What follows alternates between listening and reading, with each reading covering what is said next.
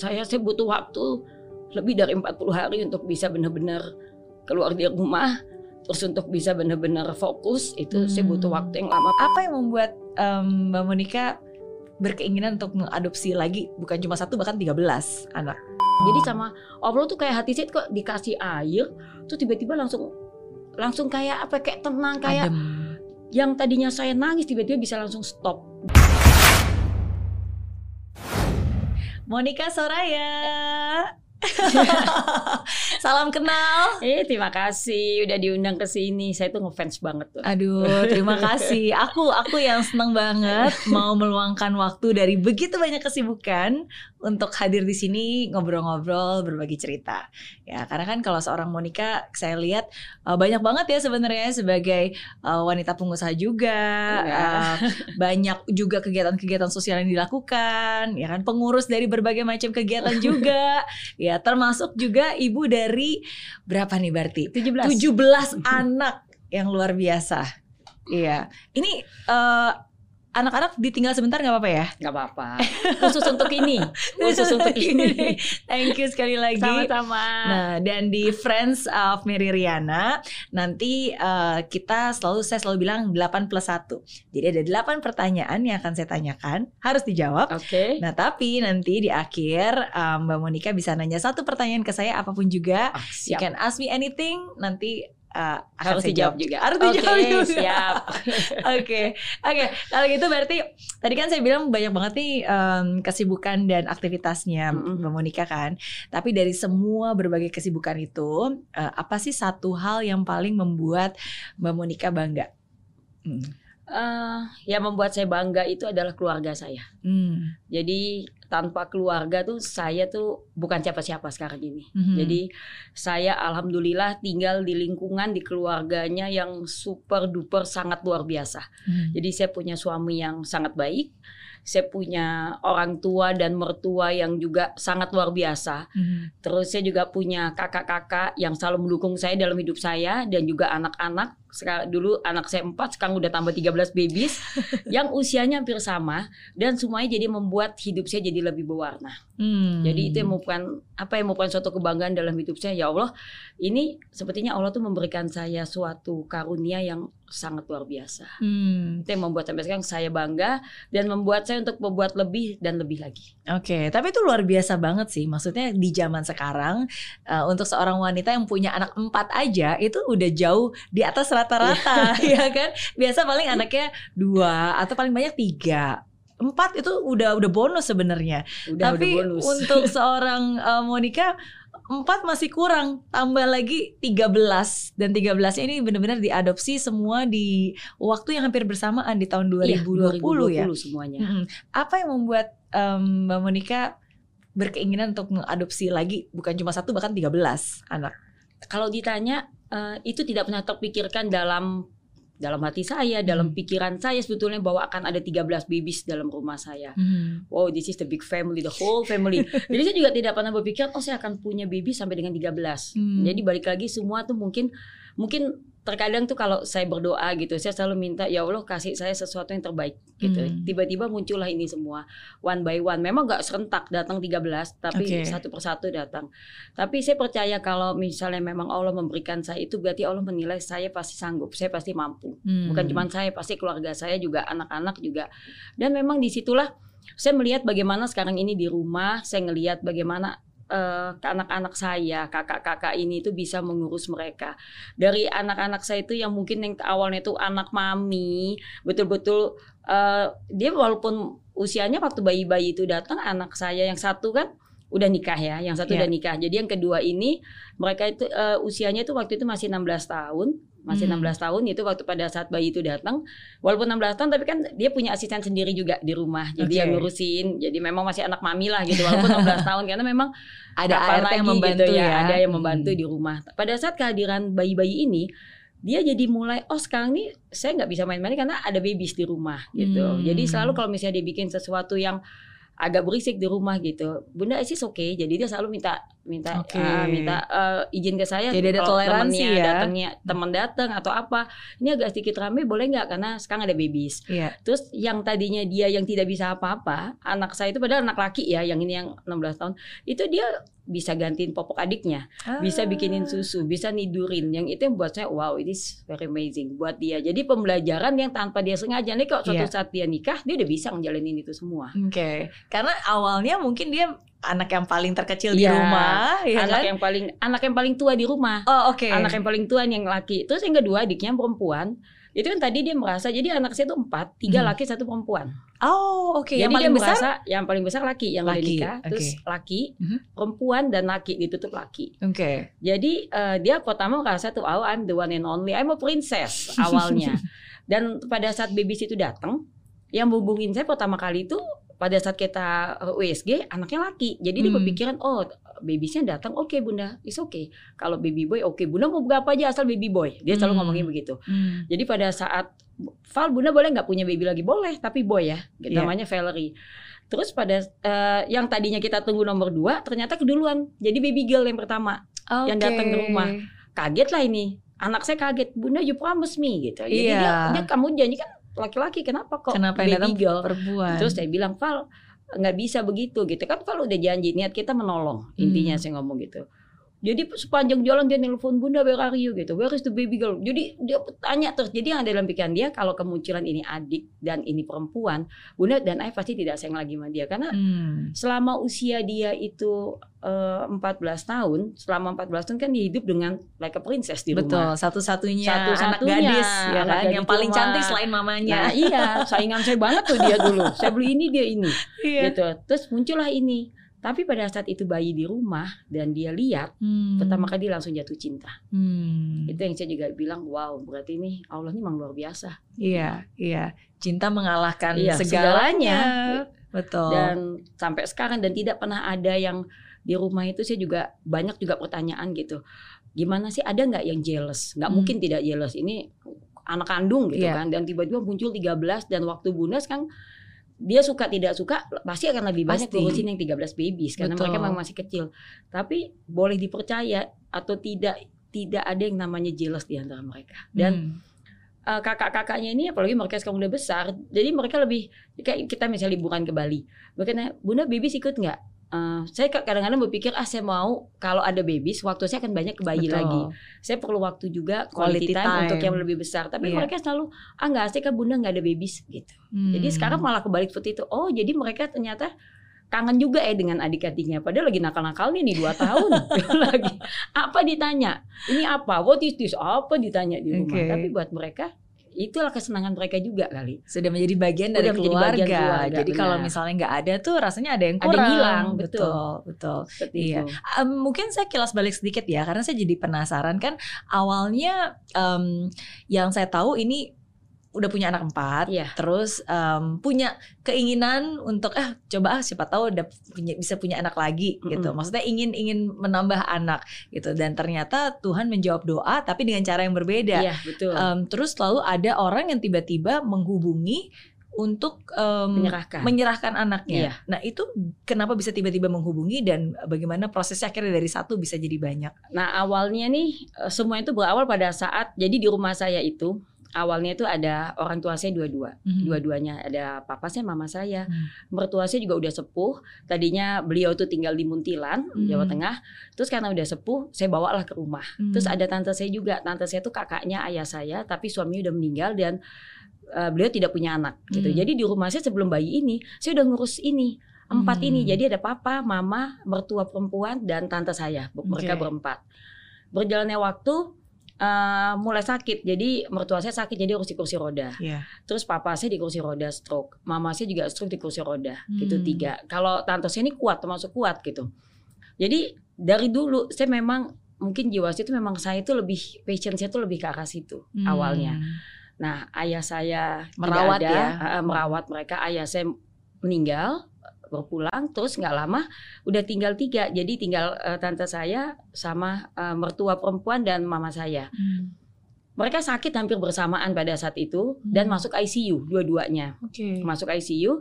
Nah pada saat di ICU itu saya tidak pulang sama sekali. Saya menunggu mereka benar-benar tidur di rumah saya dan tidak pulang. Mulai saya dengar banyak berita, berita-berita bayi dibuang. Itu jadi Hmm. pada saat saya di rumah sakit, saya nunggu Hmm. di ruang ICU itu di luar kan, nggak di kamar di luar terus saya lihat gitu, baik itu di IG, di TV. Terus saya ngomong lah ke suami saya kalau pada saat suami saya, saya pengen deh, maksudnya punya anak lagi. Suami kan Hmm. enak banget, suami itu ya udah bikin, enak kan kalau suami itu kan Iya. enak banget gitu. Terus saya berpikir kalau bikin ya pasti saya sayang anak saya gitu kan. Iya. Tapi di luar sana banyak sekali. Gimana caranya gitu. Hmm. Kalau terus tiba-tiba ada berita dari teman saya itu. Jadi kan saya juga punya ormas perempuan yang bergerak di bidang sosial. Oke. Jadi sebelum pandemi itu, sebelum 2020 itu kita suka belusukan, kita suka ke kampung-kampung, ke Hmm. semua ke seluruh Indonesia. Terus kita suka bantu misalnya ada manula gitu yang dia masih bisa kerja tapi mereka tidak punya biaya jadi kita bangunin eh, warung di Oh, rumahnya. Oke. Kita kasih kita bikin gitu, kita kasih semua popnya apa segala macam yang ada di situ supaya mereka bisa beraktivitas. supaya mereka bisa beraktivitas karena kan Betul. terkadang mereka tapi tidak ada kesempatan untuk itu. Terus eh, kita juga eh, punya agenda yang namanya revolusi putih. Jadi saya setiap seminggu itu dua kali saya selalu ke ke SD SD itu saya bagikan telur dan eh, susu. Oke. Itu dulu sebelum pandemi dan itu saya senang sekali ngejalaninnya. Iya. Terus dari luar eh, luar Jakarta tuh mereka juga minta datang-datang dong ke sini gitu. Hmm. Datang dong ke sini. Jadi kita ini kita lihat gitu. Oh, memang ini SD-nya kayak gimana. Jadi Hmm. kita datang ke segala macam. Nah, beberapa waktu juga saya juga minta pejabat pemerintah juga ikut mendampingi saya supaya mereka tahu oh ini loh kondisi-kondisinya. Itu itu sering kita lakukan sama satu lagi Jumat Barokah. Jadi kita datang, kita bagi-bagikan nasi itu ke kampung-kampung semua. Oke. Berarti memang udah banyak maksudnya keinginan dan bahkan aktivitas untuk selalu melayani, itu merawat dan memang- berbagi itu, Itu memang memang udah kesenangan saya dari dulu. iya. Jadi memang mendarah daging ah, ya. Jadi saya senang ya, maksudnya kegiatan walaupun Iya. banyak yang bilang itu kayaknya capek ya masa masa sosok Monica yang mau belusukan orang kadang-kadang kan suka nggak percaya gitu tapi ya itulah saya yang Iya. sebetulnya gitu memang kadang-kadang kalau di frame ah nggak mungkin deh dia ini tapi memang sebenarnya saya tuh ya seperti itu gitu Mhm. nah itulah yang akhirnya tiba-tiba saya ngomong terus kan gimana caranya udah kalau mau gimana caranya kan Hmm. untuk dapetin seorang anak itu kan juga nggak gampang Iya. kalau udah ditemukan sama sama dinas sosial pasti udah diurus lah sama Betul. Sama- itu sama negara atau sama pemerintah susah ya udahlah gitu akhirnya saya karena saya punya ormas ini juga ada cabang di mana-mana saya ngomong dong kalau ada keluarga atau ibu yang anaknya memang mereka tidak sanggup untuk ngurus saya mau lo ngurus saya Hmm. bilang gitu udah saya sebar ke mana-mana tapi juga nggak dapet tiba-tiba pada saat saya di rumah sakit lagi nungguin eh, mertua dan ibu saya itu berbarengan dan Iya. tempat tidurnya itu sampingan di ICU ada yang menghubungi saya itu ya saya bilang sampai sekarang itu seperti kayak misteri ilahi buat Iya. saya tiba-tiba ada yang WA WA-nya cuma gini Mbak maaf saya sedang mengandung gitu saya jangankan untuk periksa kandungan untuk Hmm. makan aja saya susah Hmm. itu yang dia bilang Mbak mau nggak bantu saya Hmm. nanti anak ini tolong Mbak rawat itu saya berpikir ya ampun ini benar atau saya cuma dikerjain aja karena kan eh, nggak ada namanya juga Iya. saya nggak tahu tapi dalam pikiran saya pada saat itu adalah karena saya udah seneng oh ini doa yang selama Iya, ini saya mau dijawab. gitu Mm. terjawab apa yang saya harus lakuin ya? Jadi tidak ada saya tidak ngomong ke suami saya dulu untuk minta boleh atau enggak? Itu udah saya udah nggak mikir itu karena saya udah senang sekali pada Mm. saat itu. Saya cuma bilang gini "Eh, maaf mbak ini dari dengan siapa? Tinggalnya di mana? Hmm. itu terus dia sebutlah nama terus dia tinggal di Jawa Tengah. Apa yang bisa Hmm. saya bantu gitu? Saya perlu mbak untuk periksa. Karena kalau perhitungan saya ini kalau kalau nggak salah udah sekitar tujuh bulan. Karena dia kan juga nggak tahu. Oke mbak berapa nomor rekening itu yang pertama kali Oh, tanpa ketemu Sama, dan tanpa. tanpa, tahu ini Tanpa benar tahu. atau enggak. jadi Iya. langsung saya transfer lah dia kasih nomor rekening dan saya transfer saat itu juga setelah saya transfer saya baru sadar oh iya kalau dia bohong bagaimana ya Iya. itu setelah saya transfer jadi semua ah tapi ternyata saya pikir kalau misalnya dia bohong urusan dia lah sama Iya, yang di atas saya betul. berpikirnya seperti itu Betul. ya tapi kalau dia betul saya dosa karena eh, dia minta tolong kok saya nggak bisa bantu Iya. saya cuma takut itu tapi ternyata betul jadi besokannya karena waktu itu kejadian kalau nggak salah udah sore sekitar jam 5 jam 6 itu yang saya transfer Mhm. besokannya dia langsung ke bidan dan besoknya dia langsung ngomong mbak alhamdulillah bayinya sehat dia Ah. ngomong terus perkiraan lahir sekarang udah 7 mau jalan 8 perkiraan lahir bulan depan Itu. Wow. Oh, itu tambah saya semangat tambah terus apa yang bisa saya bantu oh, udah langsung nggak karuan dalam hati saya pada saat itu Iya. dan eh, dia bilang karena memang suaminya mungkin tidak menginginkan karena dia anak kedua Iya. terus dia juga hidupnya susah boleh nggak mbak saya eh, melahirkan di Jakarta. Saya belum kenal loh pada Iya. saat itu. Lihat mukanya juga tidak tahu.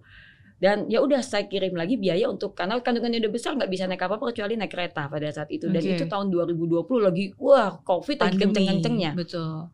Gimana ya cara ngomong ke suami saya? Pada saat itu kan jadi semua udah beres tapi saya belum ngomong nih ke suami saya. Aduh gimana ya caranya? Saya tunggu di hati baik dulu malam-malam lagi santai ngomong tuh saya ngomong loh. Saya bilang gini sayang ingat nggak waktu itu saya pernah minta apa? Ini ada loh laki perempuan. Ah, suami saya tuh paling suka anak perempuan karena Oke. kan di keluarga dia susah dapat perempuan iya. dan anaknya pun satu cuma satu perempuan laki perempuan laki. Oh dia cuma flat pada Hmm. saat itu ya. Oh tapi aku udah biayain loh saya jadi terus aja saya ngoceh terus yang gitu. Hmm. terus gimana jadi tapi ibunya mau ke sini kapan? Jadi sama boleh ya? Gitu. Ya udah nggak apa-apa. Dan, alhamdulillah dalam hati saya pada saat Wow. itu.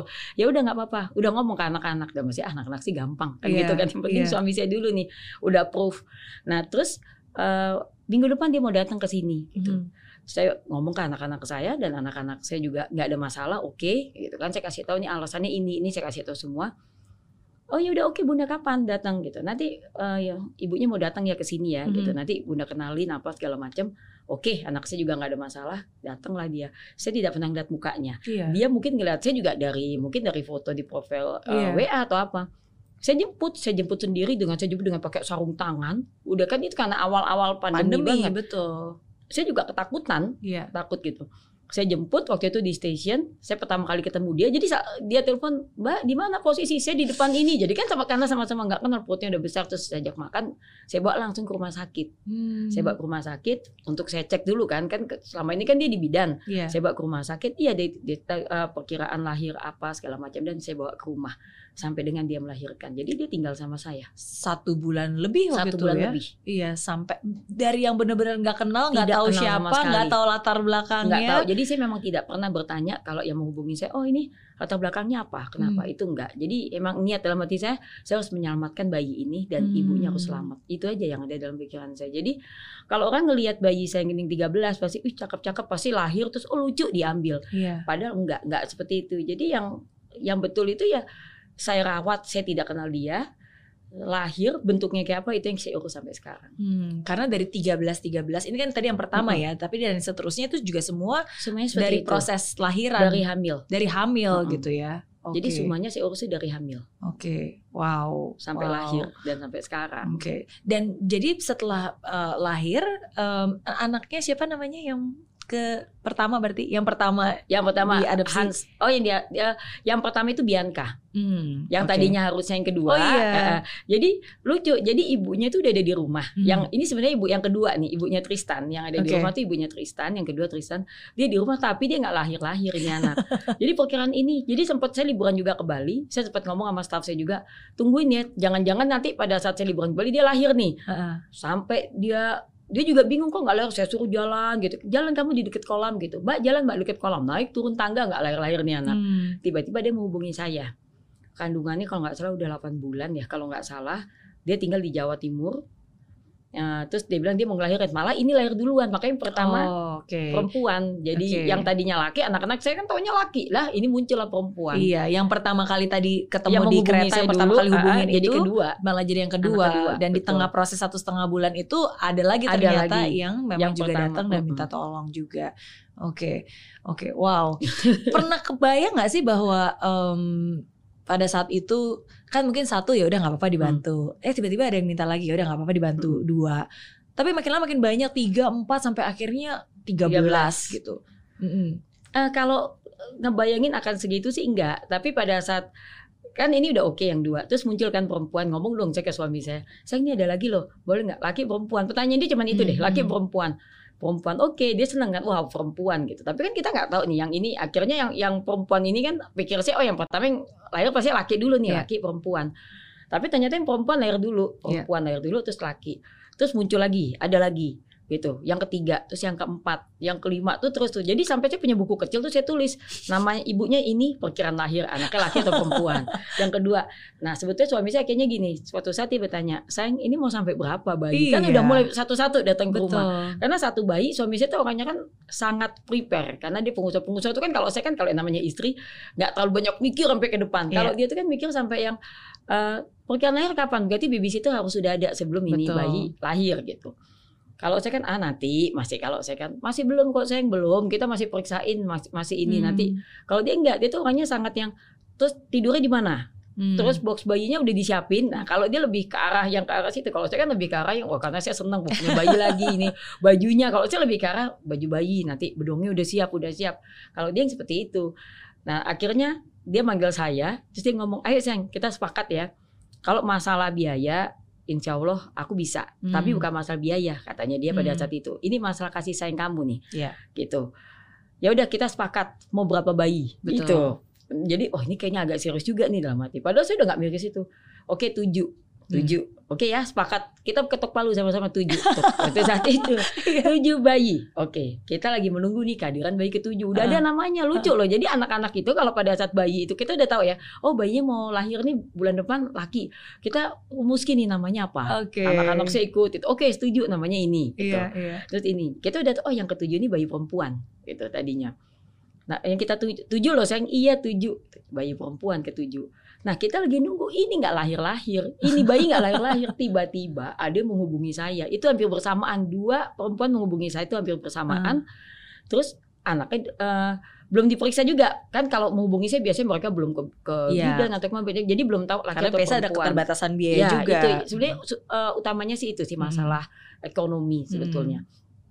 Terus me- mereka menghubungi saya, saya ngomong ke suami saya, gini, ingat loh sayang ya, tujuh. Tujuh. Jadi suami saya udah bilang tujuh. Udah, datang dong saya. Satu, sa- salah satunya tuh di Bekasi, satu di Bekasi. Terus yang satu tiba-tiba datang dari Jawa, terus dia ngirim foto gini, Mbak, masa Mbak nggak kasihan sama saya? Saya tuh tinggal di atas gunung. Untuk air aja susah dia fotoin memang Hmm. rumahnya. Aduh, saya gimana ya? Ngomong ke suami saya ini gimana? Saya Hmm. ngomong kayak gitu. Karena nggak mungkin yang tujuh ini di skip. Tujuh ini udah udah termasuk ibunya itu udah dekat sama saya dan Iya. saya udah udah diterima kan nggak biayain, mungkin ditolak ah, dan lagi. saya udah biayain dari usianya di kandungan masih empat bulan. Kan nggak mungkin tiba-tiba Hmm. udah mau lahir. Bagaimana nih ibunya? Saya ngebayangin juga. Aduh gimana ya cara ngomong ke suami? Terus ya udah gini sayang. Kalau kamu mau biayain biayain gitu. Tapi jangan kita urus semua lo inget lo tujuh. Jadi oh ya saya bilang biarin aja deh. Nanti juga paling berubah pikir saya kan. Suami saya kan juga Oke. orangnya suka agak galau gitu. Iya, iya. udah biarin aja tapi dia mau di sini ya udah. Akhirnya datang dong dia ditemenin ibunya. Nih eh, masih muda ditemenin sama ibunya. Udah kamu tinggal deh di rumah saya. Tinggal juga nih. Jadi yang satu ini cepet tinggal di rumah saya. Oke. yang yang satu di Wow. Bekasi yang satu tuh dari Jawa Jawa Tengah tinggal di rumah saya nih. Nggak lama melahirkan kan. Anaknya satu laki satu laki. Dua-dua saya bawa dong ke rumah. Mhm. dua hampir cuma beda tiga hari. Mhm. beda tiga hari tuh. Bawa dua-dua kan terus suami saya megang aja nggak mau karena dia itu kalau udah megang dia pasti sayang. Iya. jadi sayang itu dua laki. Iya aku tahu gitu kan. Dia nggak mau pegang. Terus suami saya ngomong itu terus itu gimana yang dua bayi ini? Enggak nanti mau diurus kok sama ibunya saya bilang tuh Hmm. padahal ibunya tuh pas bayinya lahir tuh udah ya mbak titip ya. Iya. kalau urus anak saya. Udah begitu kan mau urus gimana orang anaknya udah dibawa terus saya coba digendong deh sekali. Karena suami saya tuh kelemahannya itu kalau dia udah gendong dia udah pasti jatuh cinta. Udah sayang. sampai satu minggu dia cuma bisa ngeliatin aja. Kan kalau pagi kan dijemur Hmm. semua. Jadi kan enam udah tambah dua udah delapan. Mhm. udah delapan tambah dua itu udah delapan. Udah keluar dari tujuh kan. Saya kamu nggak kesian. Saya selalu ngomong gitu. Masa nggak kesian sih? Lama-lama suatu saat udah sama suami saya digendong dua-duanya. Udah lepas udah pecah Ah. telur dari tujuh dari enam delapan. Keluar lah yang nomor sembilan tuh baru lahir coba. Iya, sembilan. Udah nih oke seng sembilan katanya. Iya. Udah, Udah terakhir, terakhir. terakhir udah nih Ketok udah oke palu. ya ketok palu terakhir dah. Terus eh, Wali Songo sembilan kan? Iya. wah ini dia nih. Udah nggak boleh. Pergilah suami saya ke proyeknya di Papua. Mhm. jadi suami saya lagi ke proyek ke Papua. Udah ya sayang kalau aku pergi jangan aneh-aneh. Dia udah wanti-wanti. Apa nggak ada yang menghubungi saya lagi aduh gimana ya saya ngomongnya saya juga saya tuh orangnya tidak pernah bisa bilang tidak gitu Hmm. nggak pernah bisa bilang tidak apalagi hubungannya sama kayak kemanusiaan gini saya saya ngebayangin kalau itu terjadi di saya gitu apa yang- karena dalam pikiran saya tuh apa yang bisa saya bantu ya saya Iya. bantu gitu semaksimal mungkin tapi kalau udah hubungannya sama anak udah deh saya kalau anak tuh bahasa udah segalanya maksudnya Hmm. hubungannya sama anak hubungannya sama orang tua tuh saya udah Hmm. nggak bisa nggak bisa berbuat yang lain gitu Hmm. Ya pada saat 10 ini juga aduh gimana ya cara ngomong ke suami saya? Ini bagaimana caranya? Oh itu staff saya semua bu inget ya bu bapak udah bilang 9 oh itu semua yang saya tuh complicated heart bener-bener complicated heart Iya. pada saat itu. Terus akhirnya saya bilang ya udah deh saya ambil risiko udah nggak apa-apa. Itu juga saya ambil lagi ke rumah tapi saya belum berani ngomong. Oke. saya nunggu waktu yang tepat baru saya ngomong ke suami saya. Akhirnya dia ya oke oke ya sayang 10 udah akhirnya 11 12 akhirnya terakhir ini suami saya ngomong udah sayang ini sekarang udah nggak bisa Terakhir. di ini udah terakhir deh 13 kasihan gitu. Hmm. Tapi anak saya kalau ditanya mau lebih mau mereka anak-anak Hmm. saya loh ya itu mereka apalagi anak saya yang uh, paling kecil itu oh bayi siapa pun kalau ponakan saya datang ke rumah bayi kalau udah dipegang dia dibilang ini buat adik dia Hmm. Oh itu sayang sekali tuh yang yang paling kecil yang sekarang usianya 9 tahun Oke, wow, Oh, luar itu. biasa. Itulah akhirnya yang dari awalnya satu, Satu, akhirnya jadi 13. tujuh, kalau nggak jadi di sembilan, jadi 30 kali ini udah di rumah 30. luar biasa. Dan em, tapi emang setuju sih, kadang-kadang kan sebenarnya bukan hanya tentang eh, biaya dan Betul. materi saja ya, tapi kan kasih sayang Kasih dan sayang. perhatian yang memang harus diberikan Iya. gitu. Heeh, dan maksudnya dan saya salut juga bahkan sebenarnya 13 bayi ini pun juga bukan hanya 13 bayi saja, tapi juga disediakan babysitternya. iya 13 Dan babysitter semua semuanya dan sekarang juga semuanya uh, udah sekolah Udah sekolah. ya kan Iya, oke. Em, pertanyaan yang kedua kalau gitu, kalau tadi kita berbicara tentang bayi dan anak-anak kecil, sebenarnya jadi penasaran masa kecil seorang Monica itu seperti apa sih? Apa yang paling diingat dari masa kecilnya? Eh papa saya itu itu eh, tentara gitu. Hmm. Jadi saya kecil itu kalau dibilang saya hidup mewah itu nggak tahu sendiri kan kalau tentara tuh kan gajinya kecil. Mm-mm. Terus saya harus berpindah-pindah. Jadi kalau papa tugas di mana juga saya mesti ikut eh, tugas di sana. Gitu. Jadi papa tuh selalu bilang ke saya gitu pada pada saat saya kecil gitu, kamu tuh harus percaya diri. gitu. Hmm. Tapi kan terkadang eh, papa mama tuh suruh saya percaya diri, tapi saya tuh selalu dimasukkan ke sekolah, sekolah Katolik, Hmm. sekolah swasta, sekolah mahal yang saya harus bersaing dengan orang-orang kaya. Hmm. Itu kan buat saya kecil tuh, waduh, bisa nggak ya gitu? Seorang Iya. Monica ini bisa nggak gitu? Dulu lahirnya di mana berarti? Saya lahir di Jakarta. Oke. Saya lahir di Jakarta gitu. Tapi papa tuh tidak pernah masukin saya tuh di sekolah negeri, pasti Hmm. sekolah Katolik. Sekolah Katolik dan sekolah-sekolah favorit semua. Saya pernah sekolah di Regina Pacis, Hmm. saya pernah sekolah di Santa Ursula pada saat di Jakarta. Oke. Terus jangan-jangan kita adik kelas Ya, loh. jangan-jangan kelas. kita- Aku di Santa Ursula juga. Nah, jangan-jangan ketemu. nih. iya. saya SMP, kelas. dia Ursula saya SMP. Saya SMP dan SMA. Nah, ini jangan-jangan nanti ketemu nih. Iya, di Jalan Pos. Iya, Eh, Jalan ini. Pos. Ah, kita hampir sepantaran Gitu. nih. Iya. Jadi bayangin kan di Ursula kan. Iya, iya, nah, iya. jadi pada saat itu terus saya pindah, ikut papa pindah, ikut Ah. pindah juga ke Palembang. Di. Palembang juga sekolahnya juga sekolah Katolik. Saya pindah juga ke Balikpapan, Balikpapan juga sekolah Katolik gitu. Dan pada saat itu eh, apa yang bisa saya dapat saya tuh di, di- apalagi waktu itu saya kecil itu kalau udah masa-masa mau liburan Hmm. itu saya yang bener-bener under pressure karena teman-teman saya tuh gini nanti liburan di mana nih gitu nah Hmm. dulu oma jadi oma saya tuh jadi mamanya mama itu itu kan tinggalnya di Malang Hmm. Dan kalau liburan pasti kita ke Malang yang Iya. gratis karena oma tuh punya hotel dan kita di, Malang aja udah seneng kan Iya. jadi kalau teman-teman saya nanya pada saat kecil, "Eh, nanti nih sekolah eh, liburan ke mana? Ah, nggak usah nanya Monik, paling ke Malang. Jadi gitu. Iya. Jadi kan, sedangkan mereka mau liburan ke mana? Mau ke Amerika. Ih, saya ngebayangin waktu kecil ya Amerika itu kayak apa ya gitu. Mm. Keren kali kan Amerika. Terus eh, mau ke mana? Mau ke Paris? Mau ke mana gitu kan? Terus dia mereka pulang dari liburan itu mereka selalu membawa saya tergila-gila dengan Disney kan. Apa pun Hmm. saya tergila-gila Mickey apalagi Mickey. Jadi kalau dia pulang itu dia selalu bawa kayak tempat pensil apa pun Iya, atau pen atau apa atau tas itu wow keren gitu kan. Sedangkan sosok saya kalau saya ngomong, "Pak, saya mau beli itu dong tempat makan saya eh kok gini-gini terus ini kan udah ya biasa kalau naik kelas kan anak-anak tuh kan pasti tempat makannya bagus gitu, Hadiah, hadiah betul. gitu. Tempat makannya dulu tempat makan saya aduh luar biasa. Tempat makan saya kalau mau beli tuh yang mereknya Lion Star. Itu udah keren banget. Itu yang dibuka begini, terus kalau dikasih sama mama tuh roti, roti meses gitu kan. Itu ka- dikasihnya banyak kan nggak bisa nutup kan. Iya, iya. Pakai iya. karet. Oke. Jadi sedangkan teman-teman saya itu yang oh yang keren dia punya cekrek terus di tengahnya itu ada sendok Ada garpu. sendok garpu, iya, oh, udah yang bertingkat. tuh. Iya, yang bertingkat, yang cekrek. Aduh, saya kecil boro-boro tuh mikirin kayak begitu. Ah, ah. Tapi saya berpikir gini, oh boleh. Dalam hati kecil saya pada saat itu, lo boleh lebih kaya dari gue. Tapi lihat siapa yang lebih pinter di kelas. Itulah Hmm. akhirnya masa kecil saya itu gini, oke, lo kak kaya boleh gitu. Gue nggak sekaya lo tapi lihat siapa yang lebih pinter di kelas. Jadi itu Oke. hanya memacu saya pada saat saya kecil, saya harus pintar, saya harus Iya. pintar. Karena kalau saya pintar, ini yang kaya bisa nih jadi Hmm. ini bisa saya suruh-suruh nih gitu. Iya. Dan itu kejadian pada saat saya kecil. Jadi pada saat saya pintar makanya Nik nanti eh, ulangan dulu kan zamannya ulangan eh, aku duduk samping kamu ya boleh duduk tapi kasih saya dulu pensil kamu yang itu kamu kan punya dua Iya, Yaudah, kamu iya. mau apa nah itulah masa kecil saya tuh seperti itu. Oke. Jadi akhirnya pada saat saya besar, jadi punya obsesi. Saya selalu berpikiran jangan sampai anak-anak saya ini seperti saya pada saat kecil gitu. Hmm. Saya kecil kan saya kayak ngeliat sekarang tuh makanya suami saya bilang gini, oh ini kayaknya obsesi kamu kecil ya. Jadi anak-anak kadang-kadang belum bilang apa, saya udah beliin. Iya. Karena dulu saya kecil, saya tuh ngerasain yang aduh Gila, saya dibawain sama mama tuh tempat minum aja, sampai diisi es. Tapi kan kalau sekolah Katolik itu kan cendelannya besar dan minuman kita kan ditaruhnya kan di pinggir gini semua. Itu kan kena matahari. Iya. Kalau abis selesai olahraga kan jadi panas kan Meleleh. walaupun meleleh. Sedangkan Heeh. yang lainnya itu yang udah termos yang kalau gini esnya sampai bunyi tuh gitu. Aduh itu gila tuh masa kecil saya. Oke. Itu yang sampai sekarang akhirnya oh, anak-anak saya selalu bilang kamu harus pinter karena eh, utamanya tuh itu. Dan ternyata emang pinter beneran. Buktinya kuliah di usia 14 tahun udah kuliah. Iya. Heeh.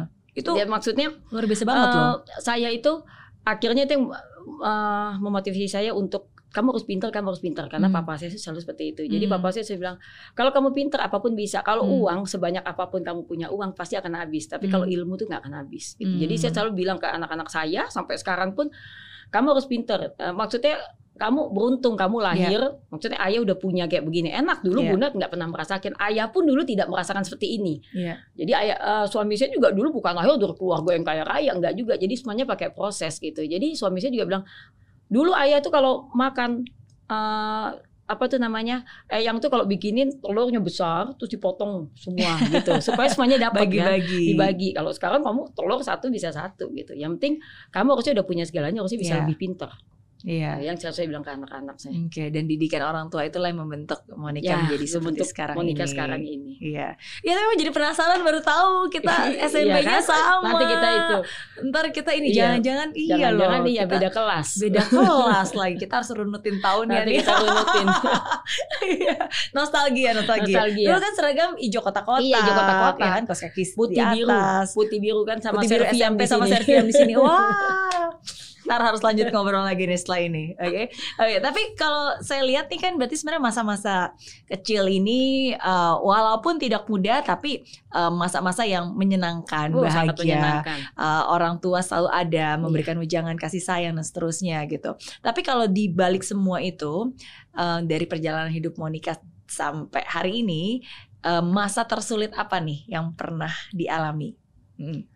eh untuk saya gitu. Masa yang paling sulit untuk saya itu pada saat orang tua saya eh, meninggalkan saya. Hmm. itulah masa di mana apa ya saya itu adalah sosok yang sangat dekat dengan mereka berdua dengan terutama dengan papa saya dengan mama saya. Tapi perempuan kan biasanya lebih dekat ke papa ya. Jadi waktu saya mulai jatuh cinta juga saya selalu ngomong ke papa gitu. Hmm. walaupun mama juga ya mama juga saya tuh termasuk deket sih sama keluarga gitu tapi saya lebih lebih lebih deketnya sih sama papa gitu karena papa juga karena saya juga perempuan satu-satunya di rumah kakak Iya. saya dua laki jadi papa juga mungkin banyak lebih sayangnya ke saya anak kesayangan lah saya ngerasa anak kesayangan papa gitu jadi pada saat papa itu nggak ada terus nggak lama juga eh, mama pergi ninggalin saya itu buat saya tuh kayak dunia saya tuh runtuh pada saat itu Hmm. jadi saya ngerasa sepeninggal papa tuh apa ya saya nggak punya teman curhat.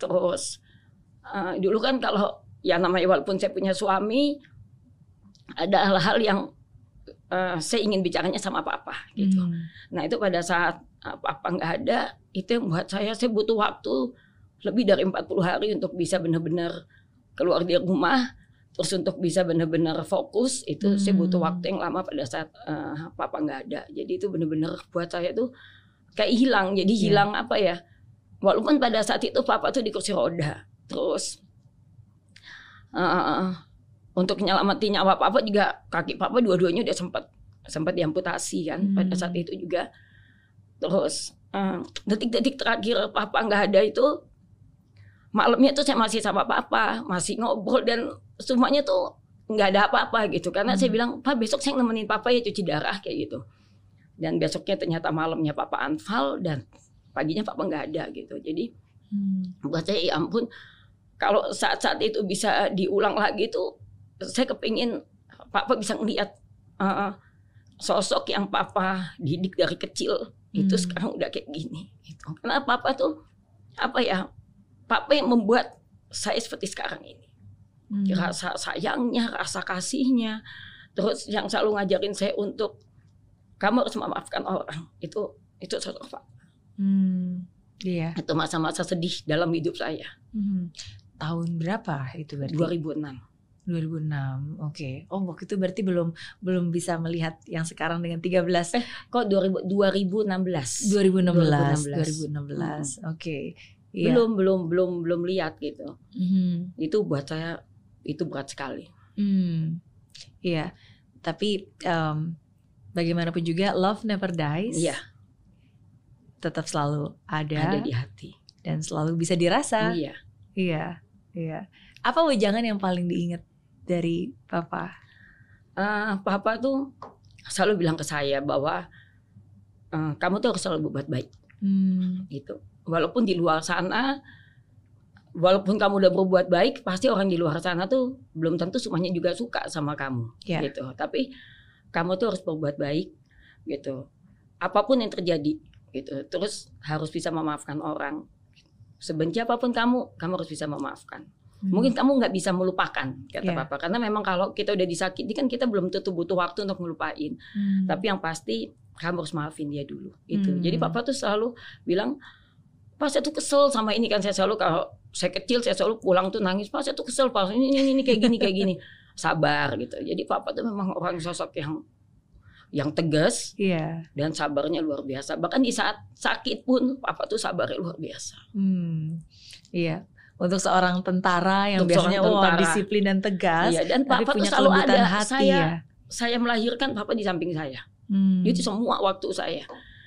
Nah, sampai akhirnya papa mama tuh ada rumah sendiri, tapi karena memang saya itu terbiasa dari kecil sama mereka jadi Pak, papa mama tinggal sama saya aja itu itu yang saya minta walaupun susah orang tua kan juga belum tentu mau Iya. sebetulnya tapi eh, saya nggak bisa hidup tanpa mereka gitu nah Hmm. padahal pada saat itu suami saya udah ngatain eh, udah pernah mengatakan kepada saya bilang gini "Eh, sayang kamu minta papa tinggal di rumah kamu minta mama tinggal di rumah kalau minta mertua jadi eh, ibunya suami saya untuk tinggal di rumah jadi saya bawa dari Muntilan ke Hmm. rumah terus tante saya tante saya itu kan juga suaminya udah meninggal dia tidak punya anak dan termasuk dari kecil tuh dekat sekali sama saya Hmm.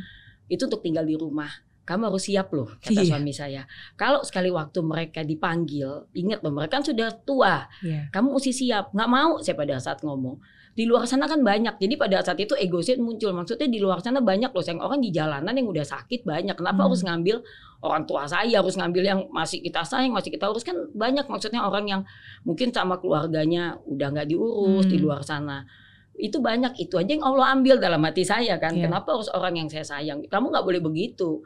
Gitu. Tapi kamu harus siap ya. Buat saya sih nggak ada masalah. Kamu Hmm. ngurus mereka. Aku juga seneng kata suami saya. Tapi siap loh itu. Dan ternyata pada saat itu terjadi nggak kuat juga hati Hmm. saya hancur hancur berkeping-keping dan itu tanpa saya sadari dua tahun kemudian tante saya nggak ada Hmm. jadi 2016 itu papa 2018 itu tante saya Iya. 2020 mertua saya Iya. 2022 ini barusan ibu saya Hmm. jadi setiap dua tahun apa nggak saya stres. Iya. Dan tiba-tiba ya Allah menggantikannya dengan 13 Iya. bibis. Saya nggak bisa ngebayangin kalau Betul. tidak ada ke-13 ini. Oke. Dan dan setidaknya em, Mbak Monica sudah meluangkan waktu-waktu terakhir bersama dengan mereka dan itu menurut saya suatu kenangan yang pastinya Yang mereka bisa nggak lupakan. bisa dilupakan gitu Dan kan. saya menghantarkan mereka sampai menutup mata yang terakhir. Jadi Hmm. pada saat mereka nggak ada itu, yang membisikkan, yang menuntun itu saya semuanya. Iya. Ya, jadi semua orang di luar, aduh, kamu beruntung ya. Tapi tetap aja dalam hati kecil saya, saya masih belum puas bagian mereka. Ya Hmm. namanya, Iya. ya kalau ditanya saya mau lagi tuh mereka semua bangkit.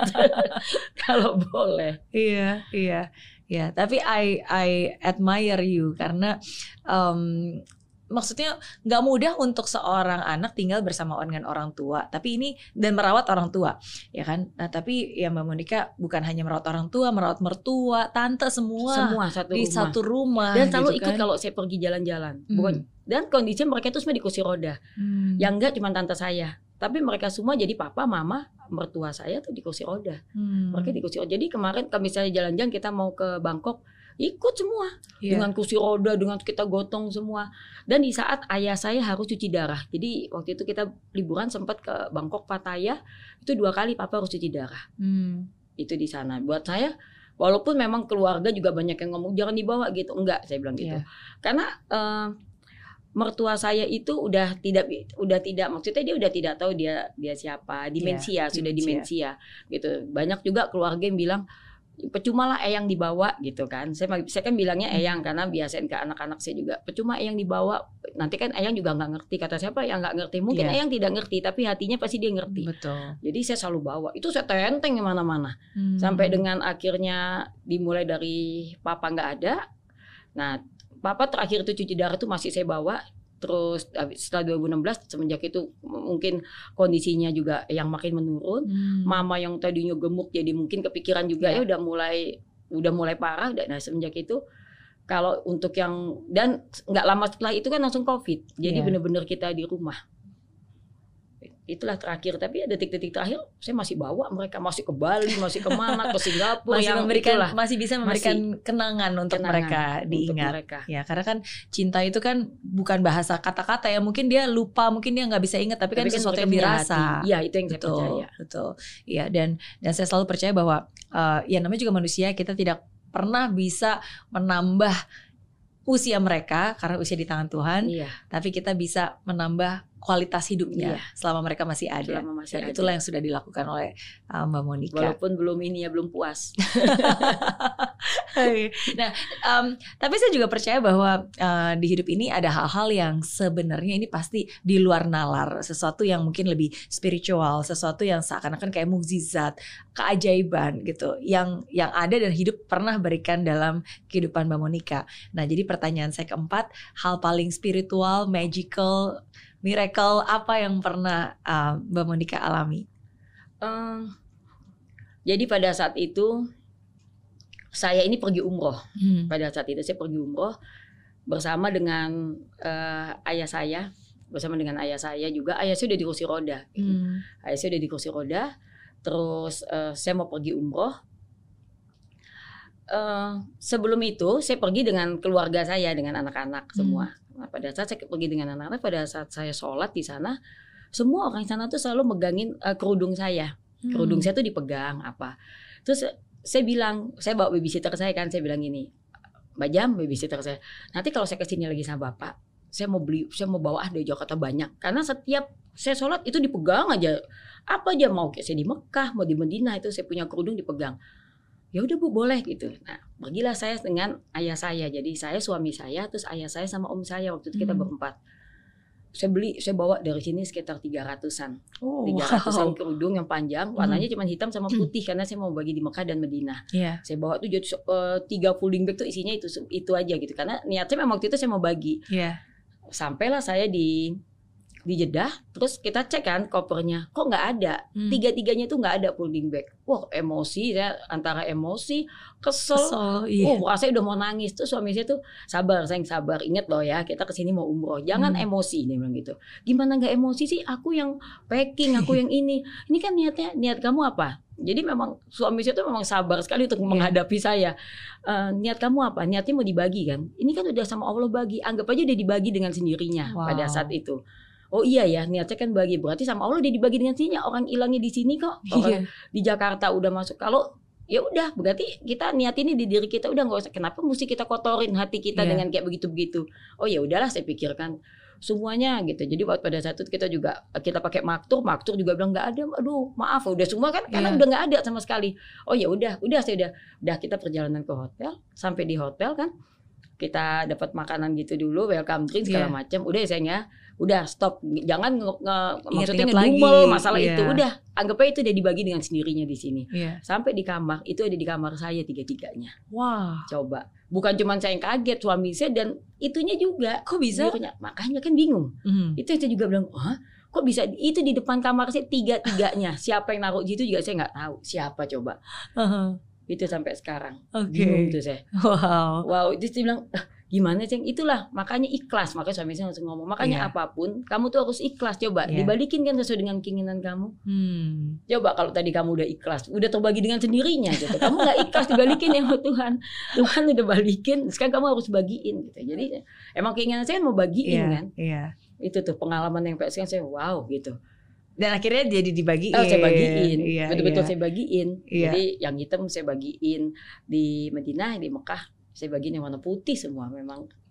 Itu saya bagi, betul-betul saya bagiin, saya Iya, bagiin saya iya. sama ayah saya saya bagiin gitu habis sholat sampai habis betul. Iya, tapi itu luar biasa sih. Itu Oh, itu em, saya juga kaget sampai sekarang. Bisa di depan kamar Bisa. saya dan tiga-tiganya tidak ada yang hilang. Sampai saya penasaran, oh mungkin keambil satu kok. Saya itu enggak persis. dan masih Ya nggak nggak tahu juga kenapa bisa Nggak, ada di situ. Sampai saya juga nanya, oh mungkin dibawa siapa? Kan kan nggak mungkin gitu. Kalau Iya. kita udah ikut umroh itu kan pasti semuanya udah ini dan mereka pun udah bilang udah minta maaf dan udah hilang. Mm-mm. Kalau ketemu kan pasti mereka juga bilang ini bu maaf ini udah ketemu atau gimana? Enggak enggak ada. Mhm.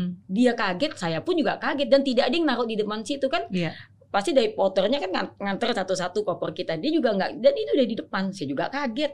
Kaget bener saya. Wah, kayak ada yang ngirim aja udah. Nah, ini tugas kamu sekarang bagiin ya Monica Iya. gitu mungkin. Iya, Itu Iya. yang pengalaman yang nggak pernah bisa saya lupain dan membuat semua orang bingung betul, pada saat itu. betul. Dan itu mungkin ya, ya jadi ujian di awal kan. Ujian Maksudnya dalam awal. hati ya kalau benar juga seperti yang suaminya Bu Monica bilang kan, kalau memang niatnya memang udah dibagikan, ya ini udah Iya, dibagi, dengan gitu sendirinya. kan. Allah udah bagi nih. Kamu Iya. kenapa mesti marah gitu? Ya, tapi kan niatnya saya mau bagi. Bener kata Allah. Oh ya dikasih balik deh. Kamu yang mau Kira-kira bagi gitu kan. Oke, wow. Ya memang banyak eh, kejadian yang luar biasa ya. Karena kan di em, apa namanya di tanah suci itu Iya. juga tempat eh, Apa pun ijab- bisa terjadi. Iya, betul, Apa pun bisa terjadi. betul, betul. Ya semoga niat baiknya Amin. yang sudah dibagikan em, bisa menjadi sesuatu yang baik juga untuk Iya. orang-orang yang menerimanya. Amin. Amin. Oke, pertanyaan kelima. Kalau gitu, dikit lagi nih. A- Apa kebiasaan unik atau paling aneh yang dimiliki oleh seorang Monica? Eh, banyak ya. Saya tuh orangnya unik sih. Tapi yang paling unik gini. eh, saya itu orangnya tuh paling suka rapi. Oh, saya oke. tuh orangnya rapi, apa pun gitu. Jadi kalau misalnya eh apa ya, misalnya anduk gitu di kamar mandi, nggak sama aja posisinya itu buat masalah Iya. tuh buat saya. Buat orang kan ada apa sih gitu kan mesti Iya, rapi. iya. Satu yang buat unik itu semua apakah itu lipstick ataukah itu snack di rumah itu ngadepnya tuh harus sama Oh iya. nggak boleh beda jadi kalau misalnya ngadepnya kan kalau tulisan misalnya beng beng itu kan bisa ngadep sini bisa ngadep kebalik Iya tapi kalau benar. satu ngadep kanan kanan semua Oke. gitu. Kalau enggak saya ngelihat bisa saya ambil tuh saya rapiin. Dan itu saya selalu ribut tuh sama staff di rumah gitu. Coba sini Mbak, kan saya udah bilang padahal buat Mira ibunya aneh banget ya. Ini kan Hmm. nggak ngaruh loh maksudnya Hmm. tulisan. Dan kalau satu deret gitu. Jadi saya punya lemari, lemari snack gitu di rumah. Itu kalau ngadep kanan kanan semua tulisannya. Hmm. Satu bisa kiri kiri, satu kiri pasti sama saya saya balik. Oke. Itu itu buat saya karena itu juga sebetulnya ajaran dari ayah saya. Ayah saya itu juga rapinya setengah mati. Jadi kayak lemari itu misalnya ukurannya segini nih. Eh kaos saya ke atas tuh sama semua Harus ya. harus Iya. harus Dan harus seragam, harus rapi. Harus seragam. Kalau odol pun juga berarti harus rapi. iya putih misalnya putih semua gitu Iya, iya, iya. makanya staff saya emang kenapa sih banyak yang ngomong emang dinilai ya? Gitu. Termasuk nih staff saya nih ngomong emang kenapa sih harus rapi emang dinilai? Gitu. Bukan masa dinilai atau enggak karena itu udah kebiasaan. Iya. kebiasaan yang buat saya kalau udah itu enggak jadi aneh. Jadi kalau saya walaupun nginep nih Iya. satu hari aja itu semua tuh perlengkapan saya tuh saya keluarin saya atur rapi. Suami saya cuma semalam loh kadang-kadang cuma berapa jam tapi itu keluar semua tuh satu-satu. Hmm. dan saya tidak pernah ngomel. Jadi saya tuh ngejalanin itu ya memang saya ngatur sendiri. Kan Iya. kadang-kadang orang tuh cuma orang lain atau apa saya Benar. enggak Emang punya kenikmatan untuk Kenikmatan. merapi-rapikan nah, kalau rapi barang. saya puas cuman begitu aja itu udah Iya, kepuasan iya. tersendiri tuh dalam hidup saya Iya, kayak ini kayak di film Friends kan juga ada yang namanya Monica. itu gitu juga Sama juga. sama tuh iya, jadi memang apa namanya ketika ngeliat barang nggak rapi tuh rasanya iya nggak nggak nggak enak aja gitu. nggak enak terus kayak Mm. gregetan sendiri maunya saya Iya. rapiin aja apa pun Oke. nah, itu Padahal tuh. susah loh kalau punya anak 13 yang masih kecil-kecil Oh, Dan itu benar di bisa rumah. memastikan semua rapi. susternya yang kena terus sama saya. Ampun tuh, Oke. susternya kena. Iya. Itu nurun ke anak saya yang satu juga ada yang kayak saya tuh. Tapi belum Hmm. seperti saya, belum separah saya, tapi udah ada yang seperti itu. Oke. Pertanyaan keenam. Kalau um, Mbak Monica punya superpower, pengennya punya superpower apa?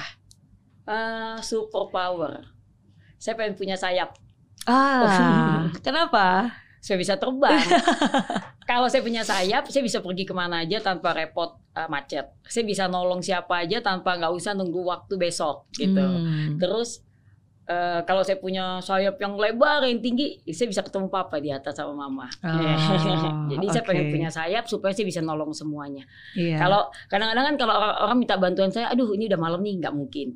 Terus supir juga udah nggak ada nggak mungkin juga bangunin eh, supir gitu malam-malam untuk nganterin saya tapi kalau saya punya sayap saya kan nggak perlu bantuan orang lain saya tinggal terbang seret sayap terbang Hmm. seret, bisa ke mana aja itu Oke. seru banget pas itu Iya. bisa ngajak anak saya ke mana-mana lagi kalau punya sayap kan enak sayapnya banyak Tapi bagi saya ini yang bagi semua orang juga mendengar nih pasti eh, Mbak Monica ini bagikan malaikat tanpa sayap. Jadi sebenarnya nggak perlu punya sayap sebenarnya udah seperti malaikat juga yang bisa membantu banyak orang. tapi kan kalau punya sayap saya tidak lagi eh, apa namanya tergantung sama orang lain Iya. Nah, kayak misalnya kita Iya. pergi ke mana, mau naik kapan? Itu kan itu pertanyaan pertama nih. Kayak misalnya, eh ada yang kita mau bantu ini melahirkan atau ada ini Iya. mau naik apa ya? Pasti itu itu pertanyaan pertama. Tuh nggak mungkin kita jalan kaki. Apa kalau Iya. di luar kota? Tapi kalau saya punya sayap kan udah enak tuh dari teras kamar saya udah bisa terbang. Tuh, tuh, tuh, asik tuh. Dan apa Bisa ke mana aja. Iya, sekali sama Iya. anak-anaknya semua ya. Bisa terbang. Iya, Seru. iya. Tapi itu benar sih. Maksudnya kan, eh, ya saya sih membayangkan kali ketika tadi saya mendengarkan, ya bagi saya mendengarkan cerita dan apa yang udah dilakukan oleh Mbak Monica, ya benar-benar seperti malaikat tanpa sayap gitu. Dan em, dan itu juga namanya Monica's Angel kan? Monica's Angels. Iya. Monica dan The Angels. Sebenarnya Angelsnya itu itu yang kecil.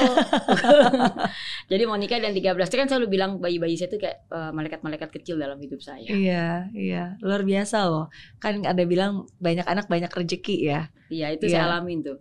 Bukan cuma rezeki, banyak anak, banyak warna. Oh. Karena 13 anak ini jangan kan 13, empat anak saya itu kan karakternya udah beda-beda. Tambah 13. Hmm. Udah 17 karakter beda.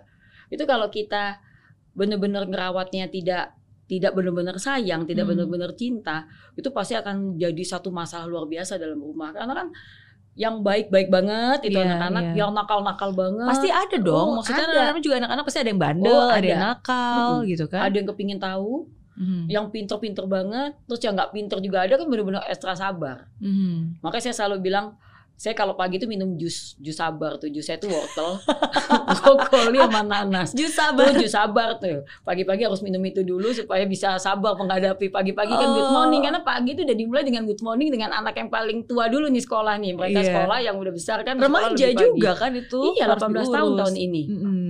Yang satu saya ngurusin bagaimana apa tuh namanya ABG ABG sekarang, Hmm. bagaimana mereka tuh yang nggak bisa seperti saya dulu kecil. Kalau saya dulu kecil kan papa ngomong eh pulang sekolah eh kalau eh, pulang malam minggu boleh malam minggu sama teman-teman jam Hmm. 9 udah di rumah. Anak sekarang jam 9 baru pergi di rumah. Bedanya di situ. Betul. Ah, udah jadi saya gimana masuk ke dunia mereka yang Oke. udah mulai ABG, udah mulai remaja. Terus saya gimana langsung saya switch, saya masuk ke dunia anak-anak yang masih Iya. batita. Itu kan betul. harus perlu kesabaran ekstra. betul. Jadi ya udah waktu-waktu saya saya bikin bahagia aja pas suami saya ketawa. Banyak kan ketawa kalau saya di rumah. Iya. Tadi apa Marah, jus jus kan. sabar apa berarti? Jus anti sabar tuh, jus anti sabar saya wortel. Jadi coba deh. Itu pasti bikin hidup jadi lebih berwarna. Oh, beneran apa tadi wortel? Kalau saya pasti itu sama suami saya pagi-pagi wortel, nanas sama seledri, seledri yang impor. Itu enak tuh. Nggak, Oke, jangan pakai oke. gula ya. Iya, iya, Nah, iya, itu. iya. Sama Oke. telur rebus itu sarapan saya. oh gitu Iya, ya. Telur kampung. Mari kita coba. Iya, itu dicoba tuh resepnya tuh. Ketawa terus setiap panjang hari, nggak ada stres. Iya, Karena iya. saya paling marah 5 menit sisanya ketawa. Oke. Kalau marah itu saya di rumah biasanya itu yang hubungannya dengan kerapian. Udah Hmm. cuman itu, nggak nggak ada yang lainnya nggak nggak rapi. Terus maksudnya naruh eh botol atau gelas nggak sesuai dengan saya mau. Cuman itu rata-rata Hmm. seperti itu sih. Yang lainnya enggak. Iya. Lainnya iya. saya anggap ketawa aja kalau di rumah. Karena hati yang gembira Iya, adalah obat gembira. kan. Betul tuh obat awet muda juga Obat ya. awet muda juga. iya, ya sukacita tadi banyak anak bukan hanya banyak rezeki tapi banyak warna. Banyak ya warna. kan? Iya, oke. Pertanyaan ketujuh. Dikit lagi. Pilihan tersulit yang pernah dialami oleh Mbak Monica. Eh, pilihan tersulit itu di saat saya harus pergi umroh. Jadi pada saat itu saya udah mendaftarkan umroh termasuk eh, almarhum ayah saya. Jadi Hmm. kita udah udah manasik kan mau umroh itu kan ada manasiknya juga ya latihan. Kita udah packing, udah semua. Jadi kita tuh eh, mau berangkat itu kalau nggak salah hari Selasa kita mau Hmm. berangkat umroh. Papa semua udah sehat, jadi kita sekeluarga semua babysitter ikut semua plus eh, papa eh, hari Kamis itu tiba-tiba saya lagi nganter anak-anak saya kumon pada saat itu mereka masih kecil-kecil kan pada ng- masih nganterin kumon saya dapat telepon di rumah tiba-tiba papa anfal jadi Hmm. papa tuh tiba-tiba lagi ngepek-ngepek gitu tiba-tiba papa tuh keringet dingin dan duduk gitu kan panik Hmm. lah saya suami saya langsung telepon pertanyaan dia cuma satu pada saat itu gimana sayang kita tetap berangkat atau kita cancel karena papa harus masuk rumah sakit Iya. itulah buat saya pada saat itu keputusan saya yang sulit keputusan sulit uh, saya sayang sekali sama papa, sayang sekali nggak mungkin saya juga ninggalin papa di rumah. Hmm. Tapi satu lagi uh, umroh hmm. itu kan panggilan, yeah. Allah juga manggil saya, gitu kan. Saya yakin kalau misalnya Allah manggil saya, terus tiba-tiba ini pasti Allah juga minta saya untuk memutuskan walaupun itu putusan yang sulit yeah. pada saat itu. Papa harus masuk rumah sakit, berarti kan dengan kata lain, papa nggak mungkin pergi karena yeah. Selasa kita harus pergi, nggak mungkin waktunya. Dan uh, kalau saya tidak pergi, bagaimana gitu maksudnya? Ini ngundang saya ini udah yang punya saya punya, gitu, iya. yang punya saya Allah. Akhirnya saya bilang saya boleh minta waktu nggak 10 menit aja karena saya bingung, saya sama sekali nggak tahu. Karena saya juga masih nungguin anak saya pada saat itu kumat, nggak mungkin bisa saya tinggal uh, ayah saya udah dibawa ke rumah sakit pada saat itu terus akhirnya uh, 10 menit ya saya nanti saya telepon balik hmm. karena saya udah bingung udah nangis udah nggak tahu mesti ngapain lagi pada saat itu tanya saya telepon suami saya saya bilang kita tetap berangkat saya hmm. bilang gitu saya yakin Allah pasti akan menjaga papa di sini hmm. gitu jadi kita tetap berangkat Terus oke okay, saya kalau keputusan tetap berangkat berarti tidak ada masalah hanya saya harus telepon papa harus di di cancel, di cancel kan di cancel pada saat itu. Udah selesai anak-anak udah saya bawa pulang terus saya langsung ke papa saya bilang pak uh, saya nangis pada saat itu saya nangis pak ini keputusan sulit tapi yeah. saya harus berangkat karena ini Allah yang mengundang saya untuk berangkat gitu yeah. kan Papa baik-baik aja di sini, saya akan bantu doa dari sana. Saya hmm. ngomong gitu. Hmm. Papa baik-baik aja Pak ya di sini. Saya anak cucu-cucu Papa, terus mantu Papa, kita semua ke sana. Kita akan berdoa untuk Papa sembuh di sini. Papa nggak hmm. usah mikirin saya gitu. Karena Papa tuh juga deket sekali. Papa hmm. tuh nggak pede kalau tidak ada saya di dekatnya. Papa hmm. tuh seperti itu. Jadi iya nak, papa juga nangis. Sudah papa gak usah mikir. Yang penting kalau papa nanti sedih apa-apa, takutnya tensinya naik atau yeah. apa, udah papa di sini kita akan doa. Berangkat saya sampai di sana. Padahal saya di sana, saya udah di Mekah. Saya dapat keputusan kakak saya nelpon dari sini, papa harus diamputasi. Nah itulah keputusan amputasi pada oh. saat itu oh. untuk nyelamatin karena uh, papa itu kan diabetes. Yeah. Nah harus uh, karena lukanya itu membusuk jadi salah satu supaya untuk menyelamatkan semuanya iya. harus diamputasi di situlah ya. saya nangis di situlah hmm. saya nangis di Mekah saya nangis saya, saya nggak bisa ngebayangin papa itu kan dari dulu yang nganterin cucu-cucunya ke hmm. sekolah hmm. jadi kebetulan anak saya itu cucu pertamanya papa mama gitu hmm. kan saya duluan nikah dibanding kakak-kakak saya jadi papa yang nganterin, saya ngebayangin papa nggak punya kaki yang tadinya dua kaki, hmm. seorang tentara yang hmm. gagah hmm. begitu tiba-tiba saya nggak bisa ngebayangin papa juga tapi kakak saya juga tidak berani mengatakan itu ke papa. Hmm. Jadi kakak saya juga nyuruh saya untuk mengatakan saya kan juga nggak bisa posisinya pada saat itu masih oh, di Mekah. Oke, okay. karena Terus, dokternya bilang ke keluarga nggak bilang ke papa enggak, langsung. Nggak berani, down yeah. pasti papa down pada saat yeah. itu. Karena papa juga nggak bisa ngebayangin seorang papa yang iya. gagal yeah. gitu tiba-tiba kehilangan satu kaki gitu kan. Terus Uh, saya bilang gimana dis? Ini dokter cuma tinggal nanya iya atau enggak? Gitu dokter yang ngomong. Bisa nggak nunggu sampai dengan saya pulang? Gitu kan. Kan nggak mungkin saya juga mesti ngomong ke papa pada yeah. saat itu bahwa harus diamputasi. Saya nggak bisa ngebayangin. Nggak saya tidak di samping papa dan ngomong lewat telepon. Saya nggak bisa. Coba gimana caranya? Kasih obat yang terbaik. Gimana caranya sampai dengan saya pulang? Saya tiga hari lagi udah pulang saya hmm. ngomong gitu ke kakak saya terus. Ya yeah, lo ngomong sendiri dia sama dokternya gitu. Hmm. Saya ngomong dok, gini kondisi papa tuh nanti do, drop dok. Saya tahu banget ayah saya. Ya udah gimana caranya dok? Ya udah kita semampu mungkin.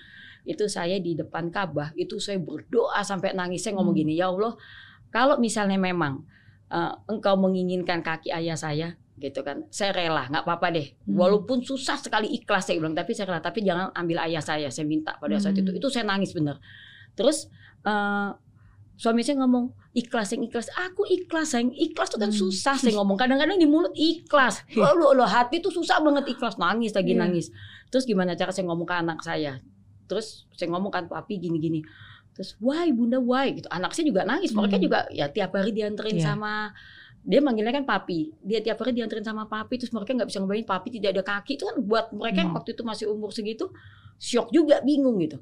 Terus aduh gimana ya saya ngomong? Terus saya ngomong ya udah ya Allah kalau memang itu keputusannya udah saya ikhlas. Saya insya Allah saya ikhlas. Saya ngomong kayak gitu. Walaupun dengan air mata segala macam tapi saya minta jangan ambil ayah saya. Saya ngomong hmm. gitu kan. Hmm. dari Mekah saya pindahlah kita mau ke Jeddah. Pada saat saya ninggalin Mekah, itu tiba-tiba hati saya yang tadinya berat sekali ya, tiba-tiba terus kayak kayak air netes gitu loh, kayak tiba-tiba wow. tes gitu. Oh ini kali ya namanya ikhlas dalam hati saya kan. Wow. Jadi sama Allah tuh kayak hati saya kok dikasih air, tuh tiba-tiba langsung langsung kayak apa kayak tenang kayak Adem yang tadinya saya nangis tiba-tiba bisa langsung stop, bisa hmm. langsung stop dan bisa langsung tegar. Nih sosok Monica yang tadinya rapuh nih kalau hmm. ngomong ini, itu bisa langsung tegar dan sampai saya di Jakarta, saya bisa langsung ke papa dan bisa langsung ngomong gitu kan. Hmm. Pada saat itu saya ngomong. Tapi inilah mujizat lagi. Jadi pada saat saya sampai, saya langsung sholat di di apa di rumah sakit saya langsung sholat sebelum ya Allah kasih saya kekuatan untuk bisa ketemu papa. Hmm. Saya harus ngomong kan bahwa papa mau diamputasi. Diamputasi kalau nggak salah besok. Iya. Tapi pada saat saya mau menuju ke kamar papa, saya sholat dulu, saya eh, saya menuju kamar papa, kakak saya tuh bilang ini, "Dis." Kakak saya manggil saya gadis, "Dis, dokter mau bicara." Oh, Hmm. pikir saya pasti tanda tangan Iya. untuk operasi besok. Dokter bilang ini, "Eh, Mbak, ini mujizat ya," kata dokter. Wow. Papi tidak perlu diamputasi. Kita masih bisa usahakan, tapi memang alatnya agak sedikit mahal. Jadi kita akan Hmm. pesen di Singapura, jadi kayak pen, Iya. itu bisa disambung. Jadi pen itu nanti fungsi untuk darah yang tadi udah kesumbat bisa sampai ke telapak kakinya papi. Wow.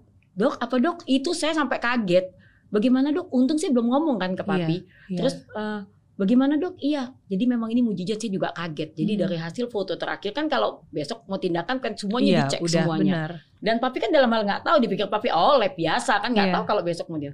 Itu tuh yang namanya ya Allah berarti mungkin ini ya maksudnya buah dari ikhlas. Hmm. Gitu. Padahal saya udah ikhlasin saya ngomong ya Allah gitu. Tapi memang akhirnya papi diamputasi tapi berapa tahun kemudian. Tapi Hmm. pada saat itu itu tetap jadi papi pulang ya pakai pen memang kakinya dipakai pen jadi memang udah tidak bisa jalan seperti dulu lagi gitu. Iya. Tapi tidak diamputasi. Iya. Sampai berapa tahun kemudian baru memang itu udah tindakan terakhir. Iya. Itu yang yang buat saya itulah keputusan yang akhirnya memang balik Hmm. lagi ke saya memang eh, Allah tuh kadang-kadang memberikan kita pilihan yang sulit Iya. dalam hidup. Tapi mungkin itu yang terbaik. Betul. Itu yang saya rasain sampai dengan sekarang itu saya percaya sekali itu. Dan Tuhan memang sengaja memberikan kita Iya. pilihan supaya kita sendiri yang mengambil keputusan. Betul. Dari situ dia bisa melihat gitu kan seperti apa hati kita dan apakah kita percaya atau enggak gitu Iya. kan. Mm-mm. Dan kalau kita percaya, Ya inilah balik lagi Iya. kepada sang pencipta ya sang pencipta lah yang nantinya juga akan memberikan jawabannya dan memudahkan iya segalanya betul itu gitu. semuanya. Dan sampai sekarang itu saya selalu percaya itu. Oke. Sampai dengan sekarang. Jadi banyak-banyak banyak apa ya eh, ke, kayak kesedihan, kegaulan dalam hati saya yang mungkin kadang-kadang memang yang menciptakan itu Tuhan Iya. untuk membuat saya jadi lebih dewasa. Tapi akhirnya kalau dipikir, oh iya bener ya. Dulu saya sempat sedih. Ternyata memang kalau saya turutin itu ya nggak akan begini saya gitu. Hmm. Itu selalu sampai sekarang, oh iya ya kadang-kadang seperti itu. Hmm. Memang Tuhan tuh memberikan pilihan yang terkadang bikin kita sedih dulu, tapi di akhir kita akan nikmati kebahagiaan. tapi sedihnya itu ya Tuhan jangan lama-lama. Jangan lama-lama.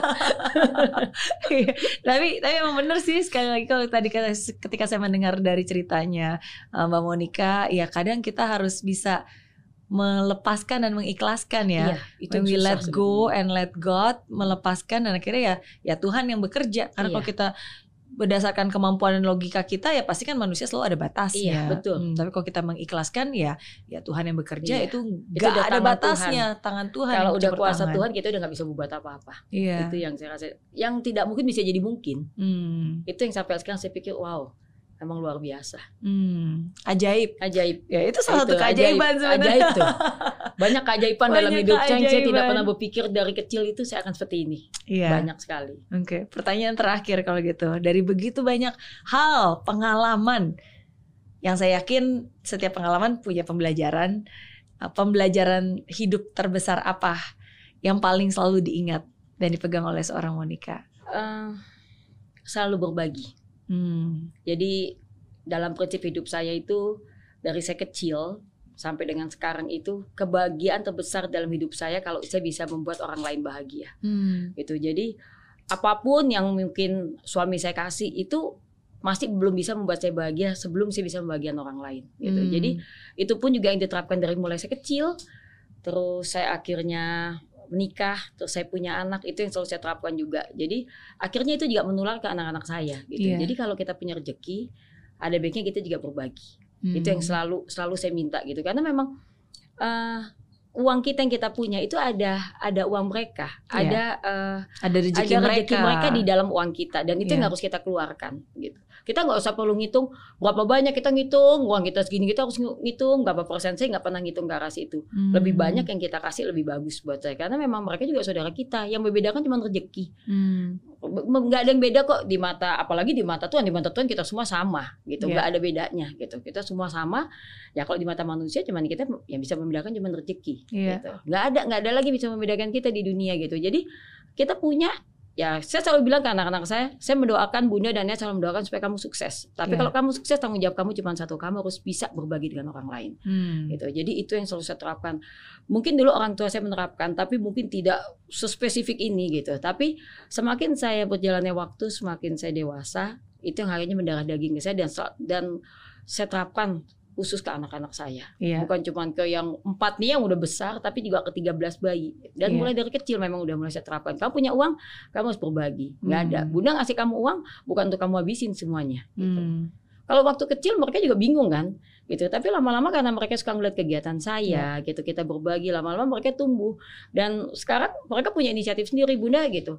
Eh, saya boleh nggak gitu. Ini juga saya juga kaget juga karena inisiatif inisiatif mereka tuh terkadang bilang gini, bunda ini baju-baju saya di kamar ini udah nggak kepake, boleh nggak saya bikin garage sale di Hmm. di luar?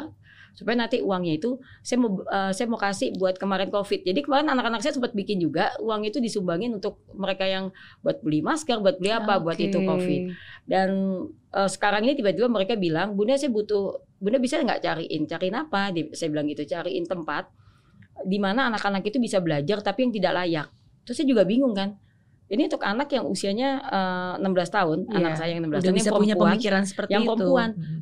Saya juga bingung buat apa buat apa maksudnya apa yang mau kamu kerjain Hmm, gitu di situ ya hmm. saya mat- oh, saya punya ide saya mau nanti eh, bunda kan bergerak di bidang sosial pasti tahu ya tempat Hmm. yang mereka belajar apakah itu anak jalanan atau Hmm. apa yang tidak layak dia akan bikinin tempatnya tapi udah ada tempatnya tinggal nanti oh mungkin belum ada temboknya dia mau bikinin temboknya Hmm. dia mau bikinin fasilitasnya itu anak pemikiran 16 tahun dan Hmm. teman-temannya itu yang akan mengajarkan adik-adik itu itu Oke. wow saya juga kaget dan itu baru terucap sekitar satu minggu yang lalu jadi saya dapat Wow. tugas tadi malam sih ditanya lagi tuh bunda udah dapat belum tempatnya oh my god Tempatnya. Val give me a time bunda kasih waktu tempatnya di mana gitu dia udah nanya lagi tadi malam bunda udah ada tempatnya gitu Iya. saya juga kaget wow ternyata memang ya itu balik lagi Iya. Tuhan itu mau mengetuk hati siapa aja bisa yang di lingkungan saya bisa yang di Hmm. luar lingkungan saya dan saya yakin kok kalau kita berbuat baik orang di luar sana pasti tidak mungkin ada yang jahat sama kita Hmm.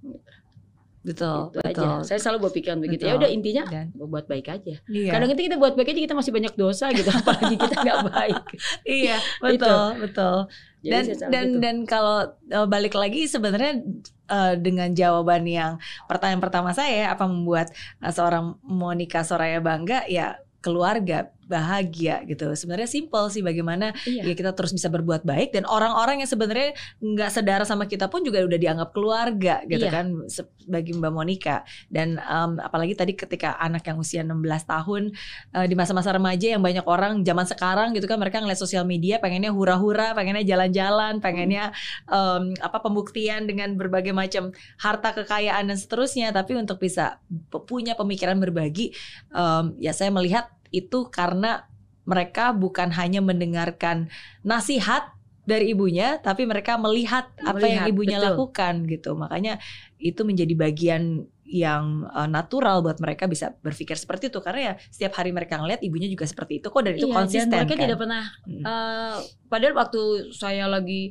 wah getol-getolnya kegiatan sosial tuh saya jarang sekali di rumah dan Hmm. mereka tidak pernah komplain karena apa yang saya kerjain itu dia mau komplain apa yang saya Hmm. kerjain itu untuk orang lain bukan Iya. untuk untuk bikin saya populer atau apa enggak jadi saya dulu tuh ah, saya nggak pernah peduli yang penting Iya. saya bisa buat sesuatu untuk orang lain Iya. gitu dan itu kesenangan saya jadi kalau saya udah buat sesuatu tuh saya dengan bangganya gitu saya bilang "Eh, Val bunda baru ini loh gitu aja Iya. Kayak kemarin kita bikin gerakan jadi eh, saya jualan gitu. Saya jualan tiap eh, Jumat besok Jumat nih kita jualan lagi. Jadi kita jualan eh, pop mie sama minuman kayak Torabika atau yang kayak kopi keliling itu Oh, jadi kita oke. layanin. Itu satu paket 2000 perak. 2000 dapat kopi sama Eh, pop mie. pop mie. sama pop mie itu Oke. kita ngelayanin. Jadi kita bawa mobil, mobil kita taruh semuanya di Jumat itu cuma 2000. Oh. Valerie, anak-anak saya ngeliat, oh bunda I wanna join. Jadi mereka bukan bukan ketakutan, eh bunda itu ini. Jadi mereka tuh malah, bunda jangan Jumat dong, Friday you cheating gitu. Jadi curang jangan Jumat, Jumat kan mereka sekolah. Iya, Ayo iya. dong weekend, Sabtu atau Weekend. Minggu karena mereka juga mau bantu. Iya. Nanti Jumat besok kita nasi bungkus sama minuman itu kopi atau nutrisari tapi 2000 juga. Pokoknya gerakan 2000. Maksudnya saya Oke. ingin betulnya ingin membantu. Eh, kalau 2000 kan mereka mungkin punya uang di luar Iya, sana iya. gitu tapi mereka udah bisa eh, bisa makan terutama mereka yang calon kayak bang ojol atau driver Betul. atau apa yang mereka cari nafkah buat keluarga tapi uang dari mereka itu jadi saya sebenarnya mengajarkan mereka juga untuk bersedekah Betul, betul. Jadi Jadi uang- nggak cuma hanya minta-minta dan minta, menerima kan. Iya, jadi mereka ngasih 2000 Iya. mereka dapat, tapi uang itu semua nanti saya sumbangin juga. Saya biasanya kayak Iya. kemarin kita dapat 524, terus saya Hmm. sumbangin pada saat saya lewat, saya ngeliat ada tukang ada ibu-ibu Hmm. sampah gitu.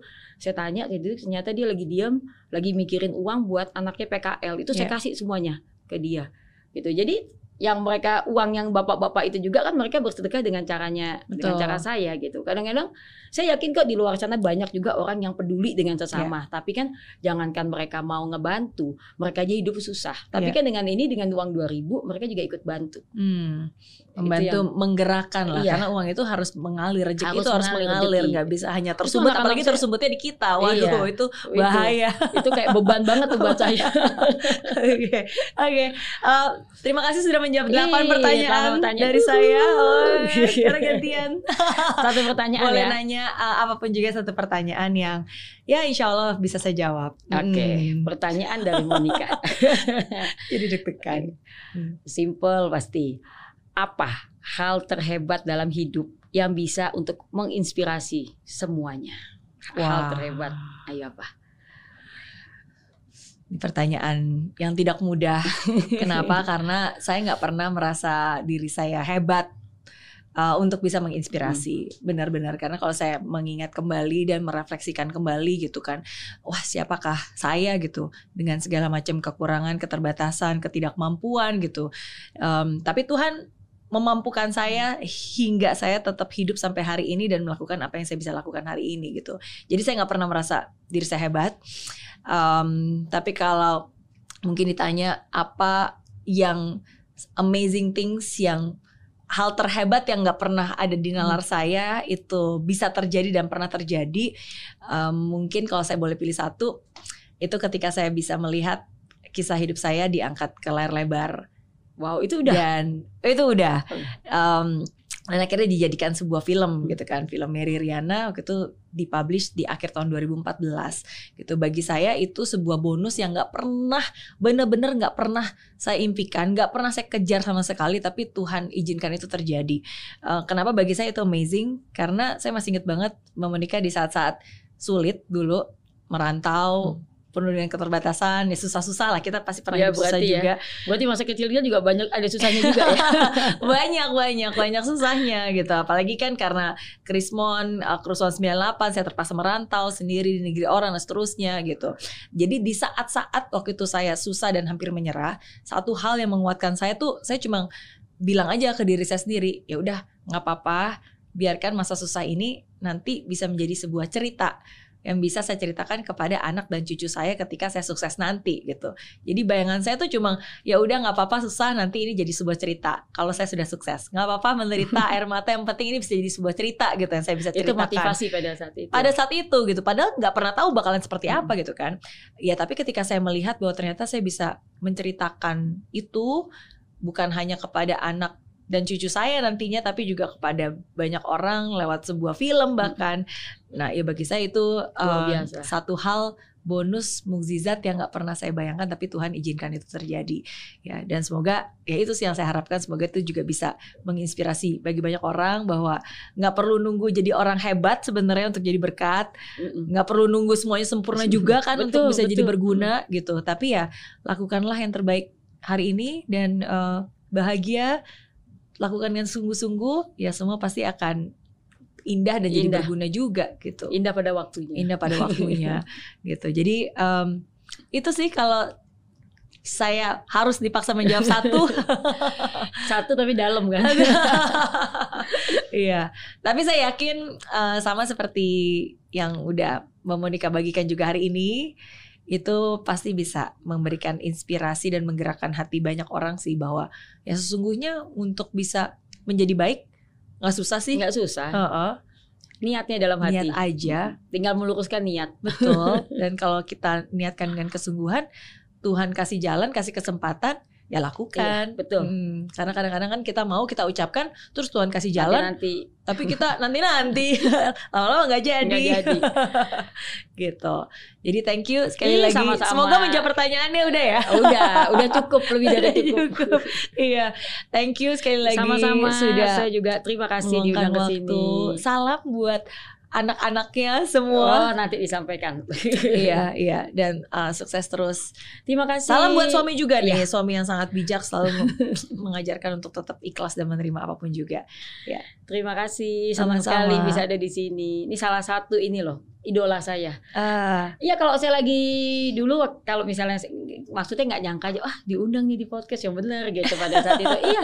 Jadi waktu itu kalau saya lagi misalnya kesel lagi putus asa ah saya lihat aja Mary Riana di IG itu kan macam-macam tuh. Oh, iya ya benar juga ya apa yang dikata itu ternyata betul gitu. Kita harus ikhlas, kita harus kuat gitu. Apa segala macam dan jadi kalau saya udah ngelihat gitu apa nih misalnya oh lagi putus asa lagi kesel lihat putus asa kesel. Wah. Jadi jadi keikut oh ya ternyata bener ya gitu. Thank ternyata you. yang yang putus asa bukan cuma saya di luar sana banyak Oh, iya. gitu. Saya belum ada apa-apanya kenapa saya harus ngeluh gitu dalam hati. Kalau udah dengerin gitu udah tenang gitu. Wah. Jadi waktu kemarin saya ngomong ke suami saya aku diundang loh sayang di podcast. Itu kan suka kamu lihat kan gitu. Iya. Jadi Thank you, Tahu. thank you.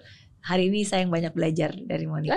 saya yang banyak. Ini motivator luar Aduh. biasa. Thank you. Satu-satunya di, di saya ngelihat kayaknya di Indonesia yang maksudnya yang yang sepaham dengan saya, yang motivator yang itu luar biasa baru Mary Riana. Kan tepuk Ah. tangan dulu dong.